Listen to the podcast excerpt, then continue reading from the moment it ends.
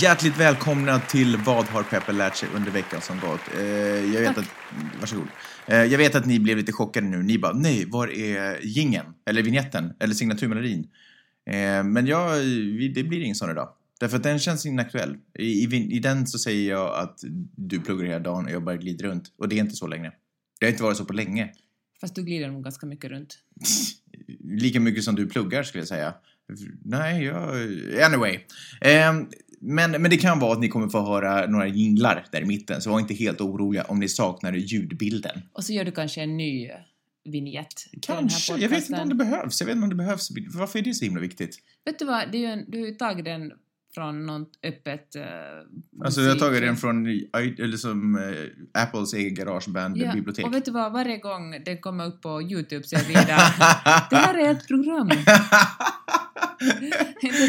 Ja, men det är också ett argument till att bara sluta använda den och skapa någonting eget. Apropå att skapa någonting eget, podcasten handlar ju om vad du har lärt dig och Mm. kanske skapat egna tankar över saker du har snubblat över. Jag har tänkt på våldtäkt. Och vad roligt, ska vi prata om det? Ja, och hemsk artikel om våldtäkt i New York Magazine. Och den handlar delvis om hur mycket ord vi använder påverkar eh, våra handlingar Mm. och, och våra tankar kring handlingar. Till exempel om man talar om abortmotståndare så säger man att man är, är pro-life, då ser man det som något positivt. Mm. Men säger man att man är anti-choice så då ser man det som något negativt. Mm. Och tydligen handlar det här samma sak om våldtäkt också. Det gjordes en undersökning bland studenter i USA och, och manliga studenter, studerande, där man frågade dem om eh, de någonsin hade våldtagit någon och då svarade de allra flesta att nej. Jag tror det var typ 13 procent som faktiskt hade våldtagit någon i fyllan tydligen. På, på campusar hände det ju vidriga saker i USA. Men eh, om man frågar dem så här att har du någonsin haft sex med någon som, har du hållit ner någon och haft sex med henne någon gång? Så då svarar upp till 30 procent ja. Och det här samma gällde också de här unga kvinnorna som Men menar du frågade. alltså hållit fast någon mot ens vilja? Ja. ja. Och eh, när man frågar kvinnor samma sak så, så var det ungefär samma siffror. De sa att eh, om man frågar att hur någon skulle bli våldtagen sa mycket fler nej. Men frågar man att har någon, har någon någonsin haft sex med dig trots att du har sagt nej eller inte vill ha sex med den personen sa fler ja. Och då tänkte jag att hur går det månne till i, eh, i rättegångar? Att använder man rätt sorts... Eh, eller har man rätt sorts... Men det handlar väl mer egentligen så mycket om ordval, utan handlar om hur de har uppfattat situationen. Men det handlar det inte, för ofta handlar det ju om ordet, nå kanske det är en annan sorts ordva, ordval, men det handlar det ju om att, att kvinnor inte tydligen tillräckligt, tillräckligt tydligt har sagt nej. Att Ja, men eh, det handlar ju också om att de inte har uppfattat sig själv som våldtagna. I, rättegångar. Nej, du, i den här undersökningen. För de sa, har du blivit våldtagen? Nej. Då har de inte uppfattat sig själv som våldtagna. Och då är det ingen våldtäkt. Nej, det sa, jag- det sa jag Ja. inte. Jag bara sa att de har inte Ja. uppfattat sig själv som våldtagna. Men eh, det är kanske en annan diskussion, men finns det någon slags stigma kring det här också? Att eh, det på något sätt är fult och ett misslyckande att ha blivit våldtagen, att det är hemskt liksom... Eller att man, Det kanske- det kanske- skyller på offret på något sätt, att det är liksom ett, ett stigma att vara just det, den sortens offer. Jag tror att kanske många av de här tjejerna har ursäktat situationen Mm. för att Dels för att kanske killen egentligen, de tycker att killen kanske egentligen är en schysst kille. Mm. Och, att, Ja, och det hela bara gick lite ur spel. De var kanske berusade, du vet, packade från någon fest. Och hon ville egentligen inte, men sen så, du vet, tjatade han till, du vet sådär. Att det, det förstår vad jag Ja. menar? Att det är liksom omständigheterna och... Och då, och då känns det så hårt att helt plötsligt Är kalla det honom, grovt att säga att, våldtäkt? att kalla honom för våldtäktsman eller att hon, ja, Mm. som är konsekvensen om hon upplever sig våldtäkt, våldtagen. Eh, sen fortsätter den här artikeln med att handla om, om vi frågar de här samma männen att, att hur långt skulle du gå om, du, om vi lovar dig att du, det, du får helt, det blir inga konsekvenser, du får göra vad som helst, men det blir konsekvens, du får liksom ha sex med en kvinna mot hennes vilja, men du kommer aldrig att bli fast för det. Och då enligt det här svarar 31,7 procent att de skulle gå för det. Mm. Är inte helt sjukt Men jag undrar om inte samma siffror skulle vara att eh, sådär... Om, döda en människa? Ja, precis. Eller skada, eller skada en annan människa. att Tänkte du sådär- säga det? Vad sa du? Tänkte du föreslå det? Ja, ja. Är det sant det? Nå- Jag att man har det. så mycket aggression i sig själv, inne, inom sig att man skulle kunna göra det? Varför vill man ens göra det? Nej men alltså jag har nog känt, oj, alltså nu vill inte jag ta det här, det här är inte lik, nu tar jag det helt bort ifrån våldtäkt och bara över Ja. till våld.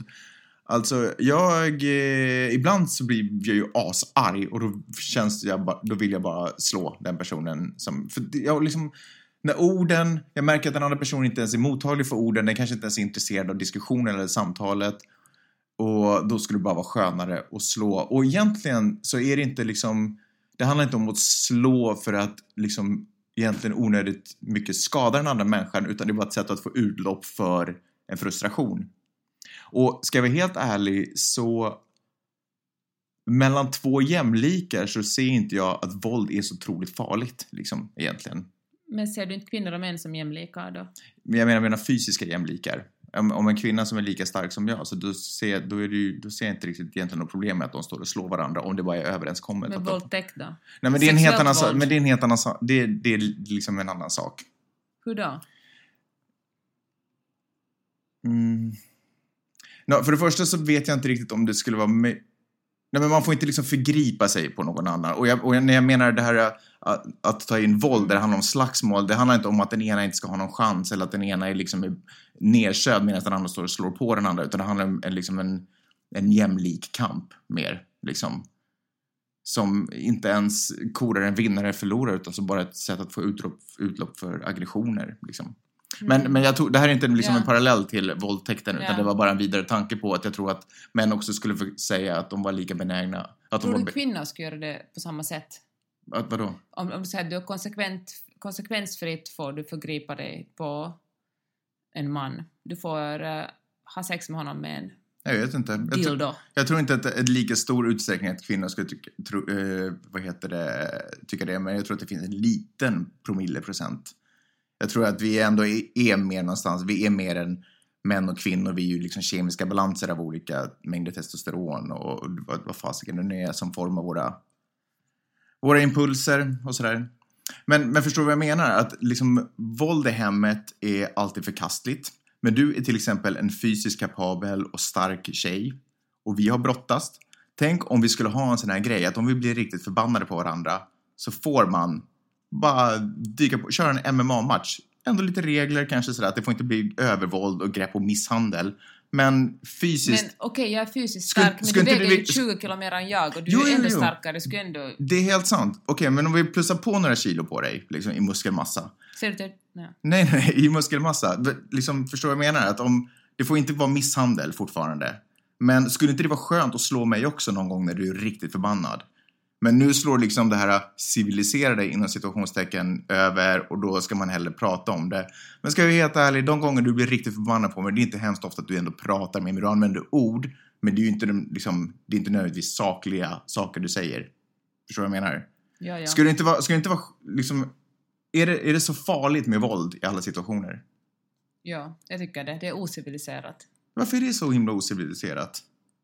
Där, ja, det... Eller varför är det mer ska- civiliserat att använda ord när man egentligen kan göra jättemycket skada med det också? Ja, man borde ju kanske vara noggrannare vad man säger åt varandra i stundens hetta. När man säger man menar jag kanske Ja. jag då.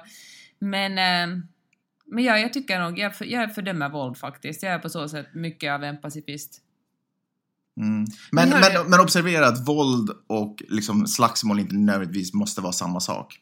Våld... Eller med våld och misshandel. Nej men kolla, det här är nästan samma parallell Men som kan det här man med dra våld. paralleller mellan misshandel och våldtäkt då? Misshandel och våldtäkt, ja men förstås. Det är väl paralleller. Men det här tror jag är lite samma sak, det här med ordet av våld. Och, och eh, liksom en kamp eller vad jag, Mm. jag, vet, jag vet inte ens något annat ord för det. Det är nästan, jag skulle nästan säga att det, där har vi likheten mellan att, att vill du säga att du blivit våldtagen eller att du är en våldtäktsman eller har du hållit fast någon och haft sex med den Mm. personen? Du pratar egentligen om samma saker men det är lite ingång, liksom ingångsvinkeln i ens eget huvud. Mm. Att man var inte där för att våldta någon men man råkar göra en våldtäktshandling. Mm. Och att liksom, om två jämlikar liksom slår på varandra så ja, det är klart man kan kalla det för våld, men det behöver inte vara våld. Men en våldtäkt är alltid Ja, en okej. våldtäkt oberoende Jo, jag vet, jo, jag vet. Så, men jag bara, jo, jag, men- jag menar inte, jag kan inte göra lika med ett tecken mellan handlingarna, men jag bara menar att det finns olika ord för, för nästan samma grej. Och i det här, när det kommer till våld så tycker jag att det finns en skillnad. Det finns snällt våld. Ja. Fast om man har sex med någon utan... Det är, ja, den- men poppa ja. inte alltid dit, för det är inte samma diskussion. Nej, fast nu talar vi om det. Du började där. Okej. Okej, men äh, om man ska, eller vill du säga någonting? Nej, bara. nej, fortsätt. Nej, nej, nej, nej, nej, det var bara nej, det. Jag menar bara att, att om vi skulle sammanfatta den här diskussionen så tycker jag bara att det är spännande att någonting som, hur man kan egentligen förminska eller liksom bädda in en ganska vidrig handling i att bara säga att, att har du någon gång tryckt ner någon eller Mm. haft sex med någon trots att den inte haft lust att ha sex med dig som betyder samma sak så har du våldtagit någon. Och att våldtäkt är ett så vidrigt ord att jag kan tänka mig att, att många undvek, undviker att ta det i sin mun. Det är så fult att kalla någon våld, våldtäktsman och det är så hemskt att säga våldtäkt som man kanske också som offer hellre använder sig av andra ord. Men kolla här, eh, eh, återigen för att då ändå backa till det där um, våldtäkt och allt det där. Så det måste ju komma sig av att, att de här tjejerna inte upplevt sig våldtagna eller säger att de har blivit våldtagna utan istället säger att de har blivit fasthållna och givit sex eller mer, tvingats till sex. Mm. Det måste ju handla om att eh, den här grejen att boys will be boys. Ja, men killar är nu Mm. bara killar. Han är inte nödvändigtvis en elak människa. Det är som vi har pratat om tidigare, att man behöver inte vara en elak människa för att Mm. ibland göra elaka saker Mm. eller ibland säga elaka saker. Eh, men man, om man på riktigt vill se sig själv som inte en elak person så då måste man ju också börja se över sitt beteende och, och sina handlingar. Eh, och vad man nu säger. Men så det, det måste ju komma ifrån det där att redan från eh, små barn så är det så här, ja men de är pojkar, låt dem nu hålla på. Mm. Okej, ibland får du lite fel, du vet de sprang ihop, dängde ihop med huvudena, det var ett misstag. Nej, ja, men du Mm. vet.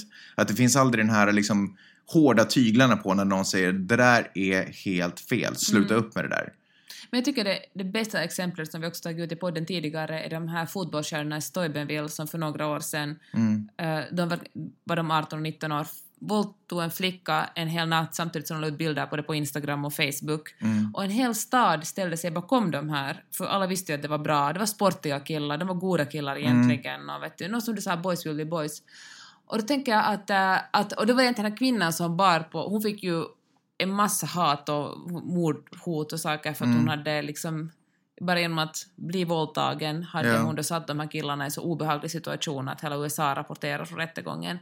Och då tänker jag att, att det kanske inte är så att man vill förmildra det där, att man kanske inte bara tänker på den, på den andra parten som våldtagen kvinna, utan att det är bara så hemskt att liksom utsättas Ja. för att vara offer till en våldtäkt, att man kanske hellre sopar under mattan och säger, använder an, en annan sorts har en annan sorts vokabulär. Men att de här killarna gjorde det måste ju tyda på att det någonstans har de vuxit upp i ett klimat, i en värld där det här på något sätt är okej. Mm. För samma killar har jag hemskt svårt att tänka mig skulle ha sex med, men, du vet, göra något riktigt olagligt. Jag tror inte att nödvändigtvis att de skulle mörda, kanske Mm. någonting annat. Men på något sätt så är det här lite okej. Det, det, här, har- det här har passerat deras spärr i huvudet för Mm. vad som är okej och inte okej. Men handlar det också om det att om man är en så bra typ, det är lite som vi talade om rasism förra gången, att om man, alla vet att man är en bra typ så då får man vara lite rasistisk för man Ja, menar ju men så illa. är det. Och jag, jag vet att jag har skämtat om det här förut och på riktigt, det har verkligen varit skämt. Men samtidigt så har jag tyckt att det har varit, det har varit intressant för jag har känt att det är en sanning i det. Någon har, om jag någon gång har sagt något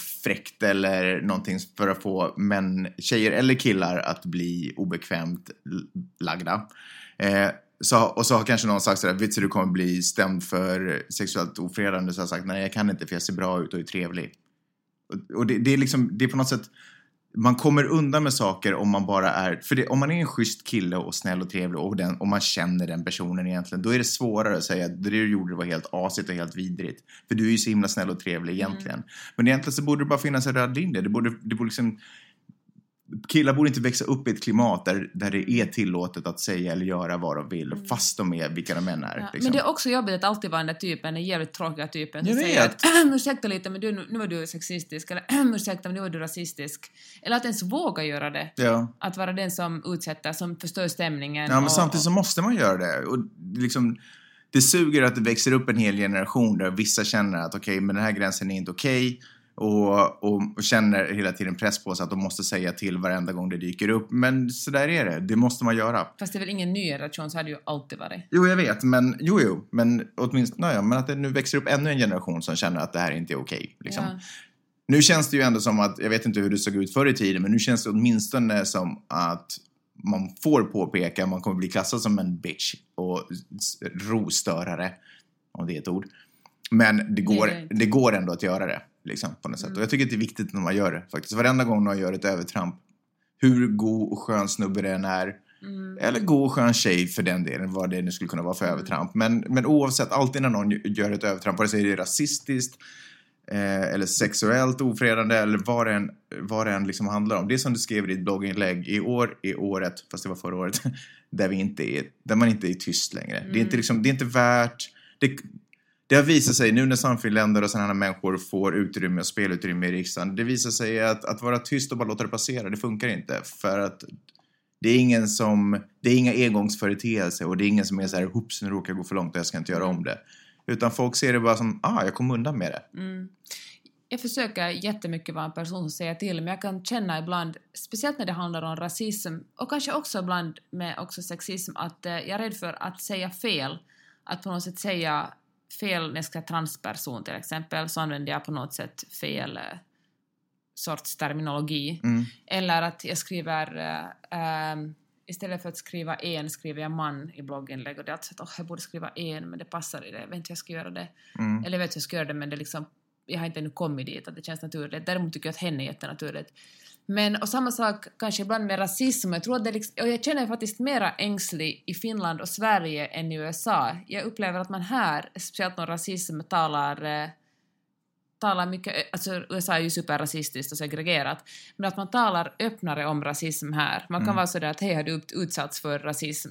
Medan jag tror att man i Finland och Sverige delvis på många håll och kanske i de kretsar som vi rör oss är så rädd för att säga fel och för att eh, på något sätt göra situationen obekväm, att man bara låter bli att tala om det helt Ja. fullständigt. Det bara... Och, och om pengar. Det är också obehagligt att prata om tydligen. Idag frågade någon mig på bloggen att, äh, att hej, att lever ni bara på era besparingar och fickpengar? Ni verkar ju bara glida omkring och äta brunch och hänga på stranden där. Och så skrev jag att jag tjänar faktiskt mera pengar här än i Finland och det var superobekvämt att skriva det. Mm. Jag var sådär att jag fick lust att säga att du ska skita i min ekonomi. För vet inte, det är någonting, en grymt stigma hemma i Norden att tala om pengar. Ja. Men oavsett så, jag tycker att, eh, säg, man måste säga ifrån. Det bara är så. Det, det är jobbigt att vara bråkstake och pekpinne och sådär, men man måste säga ifrån. Okej. Okej, och så har, eh, vad heter han, Michael Booth kommit ut med en bok som säger att Norden inte är så fantastiskt som, som det påstås. Eller har- som vi själva tror, eller? Nu hade egentligen en, en, en uh, op-ed i Washington Post som han skrivit, men okej. han kom ut med en bok tidigare som heter The Almost Nearly Perfect People Behind the Myth of Okej, the så han gjorde- Scandinavian Så han gjorde egentligen en op-ed om att, för att puffa sin egen Mm, bok. typ ja. Det kom ut för några år sedan. Den finns på det där lilla café vi brukar äta frukost på i Helsingfors, fanns den här boken. Ingen bryr sig om var hans skitbok finns någonstans. I alla fall så här i USA tycker man, eh, många tycker att Norden är det mest fantastiska stället. Att, Mm. att där, är, där är det gratis sjukvård och superbra skolor och eh, vackra människor och bra design och Och gratis skolor framförallt. Jag tror att folk Ja. är mer imponerade av prislappen snarare Ja. än kvaliteten. Och det stämmer ju. Jag tror att folk i USA har en hem, hemskt stor tro till sitt eget eh, skolsystem vad det kommer till kvaliteten av den. Alltså. Ja. Det kanske alla länder har. Mm. Och vatten, förlåt jag måste bara skjuta in det. Men det är, vatten är en sån där grej man, som alla tror är bäst i sitt eget land. Man skulle aldrig åka till ett annat land och dricka deras vatten. man måste alltid sådär ringa, googla, prata med grannar och alltihopa för att kolla om man får dricka vattnet i kranen. För det- är bara hemma man kan dricka Fast vet vattnet. du vad, jag dricker alltid kranvatten. Ja, men jag bara säger, men, men det är en sån här klassisk grej att kan man dricka vattnet här, Ja. det är en, det är en Det helt är det klass- första man frågar. Ja, för alla har en grym övertro till sitt eget vatten. det är sant. Okej, men... Men i Eh, alla fall när britten bor i Köpenhamn och under de åren han bott i Norden har han lärt sig avsky Norden. Det är sant. Ja. Han har väl skrivit nog också om hur bra det är liksom att, att eh, med jämställdheten att män stannar hemma och tar hand om sina, om, om sina barn. Men, eh, vilket de nu gör i en ganska liten utsträckning. Men jämfört med USA och säkert UK Britannien. så är det säkert jätteimponerande. Men nu har han skrivit en jättelång så här, opinionstext på, i The Washington Post där han säger att ni ska inte tro att allt är så underbart jag tror i Norden. debattartikel tror jag du söker. Ja, Mm. om man kan svenska säger man så. Och då skriver han att äh, det går åt helvete för Norden, att äh, arbetslösheten är jättehög och äh, oljans pris har sjunkit så det går inte bra för Norge längre. Och folk är deprimerade och i, i Finland så är det största dödsorsaken som inte är av att dö av ålder är alkohol. Och äh, i, svenska, I Sverige så bränner man moskéer och, det, och, och Sverigedemokraterna och liksom nyfascism är ett jättestort problem och det, samma sak händer också i de andra nordiska länderna. Och, eh, och det är dyrt. Jag tycker inte att de där riktigt kan dra... Det, alltså, oljepriset sjunker, ja. Det går inte att komma undan. Eh, att alkohol är den största dödsorsaken, eller alkoholrelaterade olyckor, du vet, och sånt är den största dö- dödsorsaken efter vad då? Efter ålderdom, vad sa du? Ja. Men det Eh. måste vara hjärt och kärlsjukdomar. Men kanske Ja, men alkohol de, hänger de, ihop ja liksom man, med kan dra, man kan dra likhetstecken mellan något, Mm. något av det där. Eh, är inte riktigt helt jämförbart med att Sverige bränner moskéer. Det har varit två attentat. Det är inte riktigt så att det har pågått i tio år. Så, så fort en ny moské kommer upp så står den i lågor. Nej. Så är det med den där julbocken däremot. I, inte ens den. Den har klarat sig i många, många år. Mhm. Den har dessutom faktiskt transporterats till Kina för att användas i firandet av det nya året där Mhm. som är bockens Var inte år. bara i år faktiskt, och det är faktiskt getens år. Ja, Getens år. ja, en, Okej. ja besserwisser, förlåt Ja. för det. Nu, han, han namedroppar också Alexander Stubb som skyller på Apple för att det gick så dåligt för Nokia. I, the iPad killed off Finlands paper industry, he moaned. Mm. Okej, den här texten är uppenbarligen verkligen jätteprovocerande och som du sa är det säkert för att ge ett andra lyft åt hans bok. Ja, som inte sålde så bra första varvet. Ja, fast jag tror nog den sålde ganska bra. Jag tror Okej. att hela Norden köpte den, för alla Norden är ju sådär ängslig vad folk tycker om en. Man är ju Mm. sådär att "Åh, vad säger de om oss i USA, vad säger den här britten? Det är det första man frågar en utlänning. Varför är du här? När någon kommer till Finland. Det är den enda anledningen till att vi också kände till den här eh, kristna hetska organisationen som heter God Hates eller något sånt. Eh, du vet, eller vet du vad jag menar? De som hatar gay people. Ja, de hatar ju allt för att en gång så hatade de också Finland. Eller typ sådär. i Sverige? Jag, jag tror att det var Ja. båda, säkert Ja. alla. Och det är den enda anledningen till att vi vet Ja. om det. Därför att det spreds en sån skylt. Annars skulle vi aldrig blivit fan i den där lilla sekten. Okej. Däremot läste jag en bra sak om, om Island häromdagen som stod att, att det, det så kommer så här abortmotståndarpress som tycker att kvinnor är mindre värda än män, och, eller han är öppen med det, det tycker en massa andra människor också, och uh, emot abort och, och en massa är superkonservativ så kommer och predika till Island och så tydligen så sålde hans biljetter slut Mm. innan han kom dit, så han kom och väntade sig en full hall. Men då är det bara islänningar som köpt biljetter och sen konsekvent vägrar gå.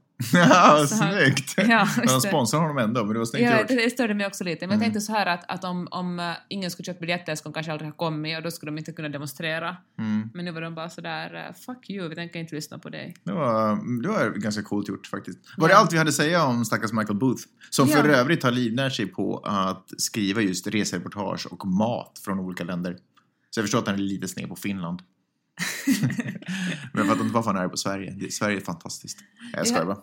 Förresten, hur många matprogram kan det göras? Tänk att folk fortfarande livrädd sig på det. Jag har en kompis som jobbar på Vice och han ska göra ett TV-program där eh, en snubbe, det hetaste just nu är att man är asiatisk hiphoppare. Mm.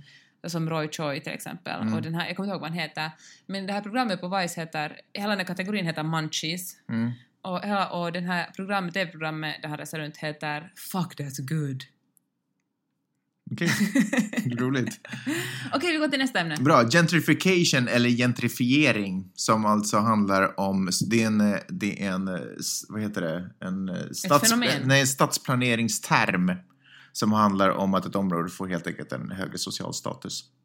Ja, och det handlar också om att området blir mindre, alltså området blir likriktat. En viss sorts människor flyttar in och alla är ganska likadana. Det, det är kanske effekten av det, men det kanske inte är termens betydelse.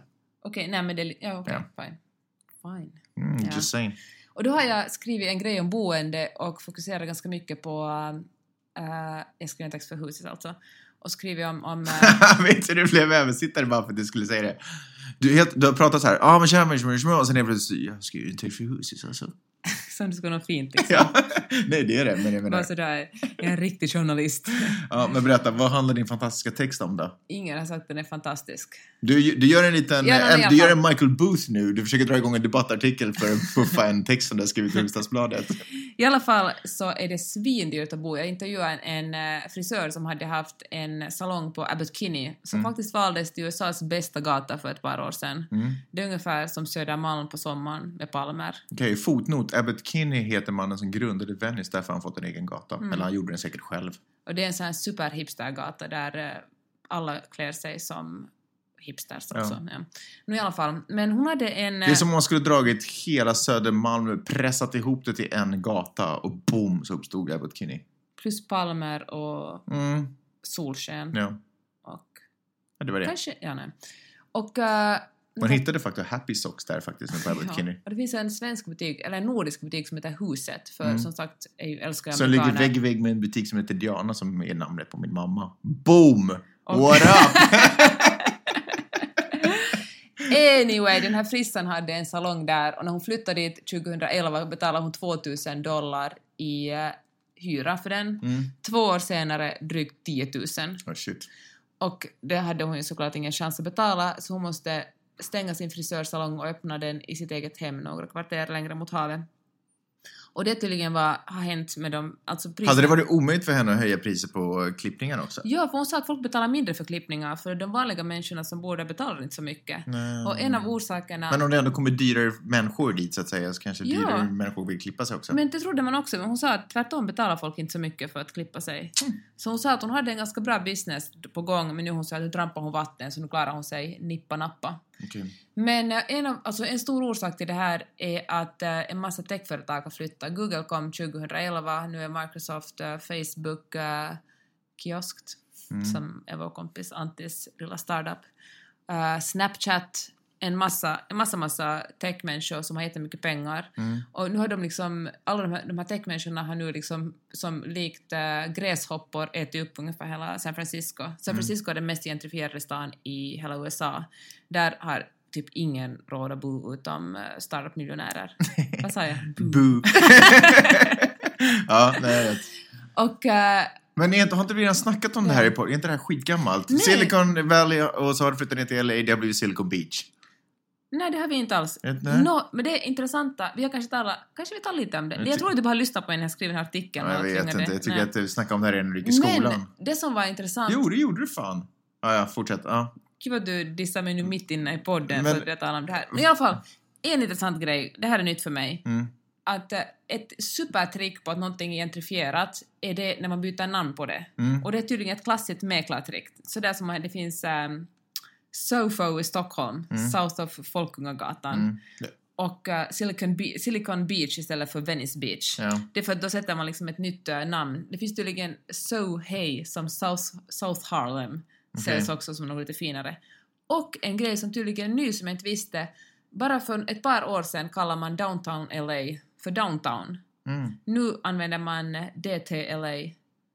Det är liksom, och en massa, det ploppar upp tydligen hundratals nya affärer som heter någonting med DTLA. Jag undrar om inte, vad heter Och det är också en, en stadsdel som är supergentrifierad, håller på att gentrifieras. Jag undrar om inte Södermalm gick igenom det namnbytet också när jag var lite yngre. För förut så kallades det bara för Söder.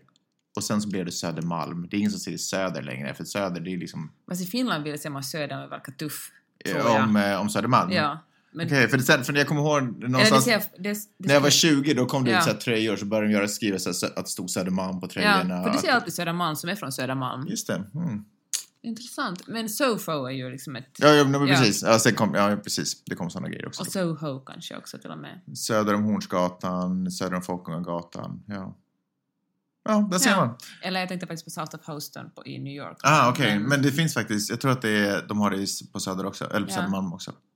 Nu sa jag Söder. Men... eh, Vi ja. skiter i det där ämnet. Det där känns, eh, det känns uttjatat och det eh, pågår överallt. Och, men det, det är tråkigt när, när det är pengar som bestämmer. Och det, jag ska bara säga det också, att det är lite det är på sätt och vis eh, galet. Därför att de här techföretagen flyttar, nu säger jag inte sanningen, men jag tänker säga det ändå. Techföretagen flyttar ju dit därför att det är cool och kreativ miljö, för att där bor massa artister och, och du vet så här. Konstnärer och konstnärer och grejer. Eh, men sen när de kommer dit så kickar de ut, eller så har inte de andra råd att vara där. De kreativa Mm. människorna så att säga, så de måste dra och så kvar är techbranschen på en gata som blir bara mindre och mindre cool att hänga Ja, på. de avcool... Cool, Av, avkolariserade. exakt. Ja. Eh, Men, men ska vi vara helt ärliga så anledningen till att de flyttar ner är väl kanske delvis för att det är varmare klimat. Men jag har förstått, om inte nog för att jag läste en artikel som du skrev, eh, av att eh, innehållet, alla människor som har ägnat, eller stor del av människor som ägnar sig åt innehåll bor här. De bor, de bor inte uppe i San Francisco. Där bor tek- tekniker Mm. så att säga och program, tunga programmerare. Mm. Men de som ägnar sig åt innehåll som tenderar att kanske vara lite artistiskare Mm. eh, är här. Och det är därför de flyttar hit, för att vara närmare dem. Plus att UCLA och USC spottar ut en massa nya förmågor hela tiden som kanske inte vill flytta upp till Silicon Valley. Förklara för mig nu, vi lämnar den där skiten. Förklara, eller skiten, vi lämnar det där. Eh, Förklara för mig spornosexuals. Okej, länge talar man ju om metrosexuals, alltså män som var lite noga med sitt utseende. Mm. Men spornosexual är tydligen det nya och det är det att man ska se ut som eh, Brad Pitt i Fight Club. Trots att det är så himla länge sedan den här filmen kom ut. Det är ju en bra film. Men fortfarande säger PTs att män kommer fram och säger sådär hej, jag vill se ut som eh, Brad Pitt i Fight Club. Och det här... Vadå? Jag har läst om det här. Ja, men jag läste lite också på det, om det där faktiskt. Och jag tror inte att det är ex... Eller jag har tolkat det på ett annat sätt. Okej, men får jag fortsätta min grej så Ja. får du sen ta... Eller vänta, nej, nej Magnus, det här är din podcast. Så talar du bara. Ja, nej förlåt, det är din podcast så kanske du bara ska avsluta. Nej men alltså jag har förstått att ja, eh, det handlar om att se ut som Brad Pitt, eh, bland andra. Till exempel Beck. Det handlar om det här eh, sportmodet. Mm. Men det handlar också om att visa upp det. Mm. Att liksom gå dit. med bara överkropp hela tiden. För, Och Instagram, alltså de här största, fan heter det, Spornosexuals har ju enormt mycket följare på, Mm. Instagram. är det bara killar som kan vara spornosexual? Ja, och jag tycker att det finns mång- lite intressanta aspekter här. Först, Det är inte alls eh, jämställt. Först, för du menar att kvinnor har inte haft någon utseendepress på sig alls. Nej, men varför får de- Nej, jag hoppas inte kvinnorna Men varför får inte hamnar de- i den fällan att folk börjar Varför- bedöma dem för deras utseende. Varför får, inte, hemskt. varför får inte de en, eh, en titel på, eller sådär, en eh, gruppering? På, eller förstår du vad jag menar? En rubrik. Vem då? Kvinnornas. Du menar, det finns säkert inte några kategorier för Nej, det kvinnor kallas, som kan det kallas sig. för eh, träningsblogg då. Mm. Nåja, men äh, det intressanta är att jag läste en artikel i Esquire där en snubbe som var i din ålder ungefär Magnus, kanske lite yngre, så att hade Troligtvis lite yngre kan vi nästan vara ganska säkra på som, äh, som på tre månader skulle få en sån här kropp. Oj. Och då sa det första den här PTn sa åt honom att från och med nu äter du inte frukost, du äter meal one. Och, så Jesus. Och det var det såklart inga kolhydrater, inga alkohol, inget socker, utan bara typ kyckling och spenat var det enda han levde på och tränade som ett djur. Och, eh, och det värsta var att i slutet, det fanns det såklart en före och efterbild, Mm. sådär klassiskt fotat att den eh, före bilden var lite dåligt ljus och typ Mm. han hade tagit en selfie i spegeln och efter bilden var sådär i en professionell studio. Inoljad. ja, Ja. Men allas kroppar, han, var ju, han hade ju fått muskler och sådär men allas kroppar ser kanske inte så bra ut som en pornosexual. Han såg bara ut som ett upp och nedvänt A ungefär. Mm. Det var inte jättefint. Eller kanske man måste ha tatueringar och vara snygg i ansiktet som Edward Norton eller, eller Brad Pitt. Ja. Eller, Eller jag. säger du, säger du Magnus. David Beckham Jaha. som du alltid vill dra in i den här diskussionen. Nej, men jag bara, för han var ett, av exemplen nämligen i artikeln jag läste om det. Sen tycker jag också det är spännande att eh, de är så stora de här snubbarna på Instagram, de här pornosexuals, eftersom Instagram ju är allra störst, du och jag har Instagram och nästan många vänner, men jag menar det är ju allra störst mellan jätteunga flickor. Och då tänker jag att det är sådana här liksom verkligen killar som ska vara sexuella, vet du, kanske till och med, om man nu tänker på jag måste säga det, Brad Pitt i Fight Club, folk som, de som är lite liksom rojsiga, Mm. att de på något sätt konkurrerar om eh, små hjärtan på Instagram ja, okej. med en massa Men om det är mest flickor... tweenies. Om det är mest flickor som eh, chillaxar där på Ja. Instagram så kanske de har chans att få en kundkrets. För knappast så riktar de sig till medelålders män, de här Fast killarna. jag tror det. Tror du att de här killarna Ja. försöker impa på medelålders män? Nej, jag tror på riktigt att, att män ser dem som en inspirationskälla. Att de är sådär att fan, snyggt Ja, men jag tränat. lär inte gå, lyssna, jag lär väl inte gå ut på Instagram för att hitta inspirationskällor till hur min kropp ska se ut. Vad? Det gör ju alla. Nej men, Jag tror va? att hashtaggen squats är så jäkla stor. du skämtar ju. Är det Nej. sant? Vilket fall som helst. Nå- Magnus, välkommen till Nej, men- 2015. Nej men 2015, om jag sitter med Google framför mig och jag behöver veta hur jag ska träna så slår jag bara in hur gör jag squats och så får jag reda på det. Inte går jag in på Instagram för att Ah. försöka få inspiration. Kanske inte din generation. Ja, ja, kanske. Ja, ja, ja, kanske jag börjar bli gammal. Ja, nå, Borde jag också ge tips på hur man gör sköna squats på Instagram? jag visste det här. Borde jag göra det? Ja, det borde du. Jag tror att din tränings-instagram skulle bli jättestor. Jag vill att du gör det. Jag vill att du gör det i en vecka och så ser vi hur många mer. Åh, du gör det! Och sen hashtaggar det som fan. Och sen ser vi hur mycket ditt, eh, ditt eh, vad heter det, vad heter det för följarantal stiger. Okej, eller sjunker. Eller Det, sjunker. man måste vara beredd på den risken Ska vi också. göra ett experiment? Ja, men jag vet inte ens hur jag skulle börja. Jag måste studera någon av dem där Senast först. igår visade du åt mig hur man ska göra squats på rätt sätt. Så man får en fast liten skärm. Okej, ja men jag gör det då. Fan, det kan bli kul. Vi ser vad som händer. Hör du, det var väl allt vi hade att bjuda på den här veckan. Ja. Det var, det var bra filis. Ja. Känner du också det? Jag kände också, det känns som ett bra avsnitt det Mm. här. Jag tror att det beror på att Vidde inte är här och stör oss. Han är hos sin polare Frank tvärs över gården. Eh, vi hörs nästa vecka Det gör vi. Sköt om er tills dess. och vi säger peace! Out.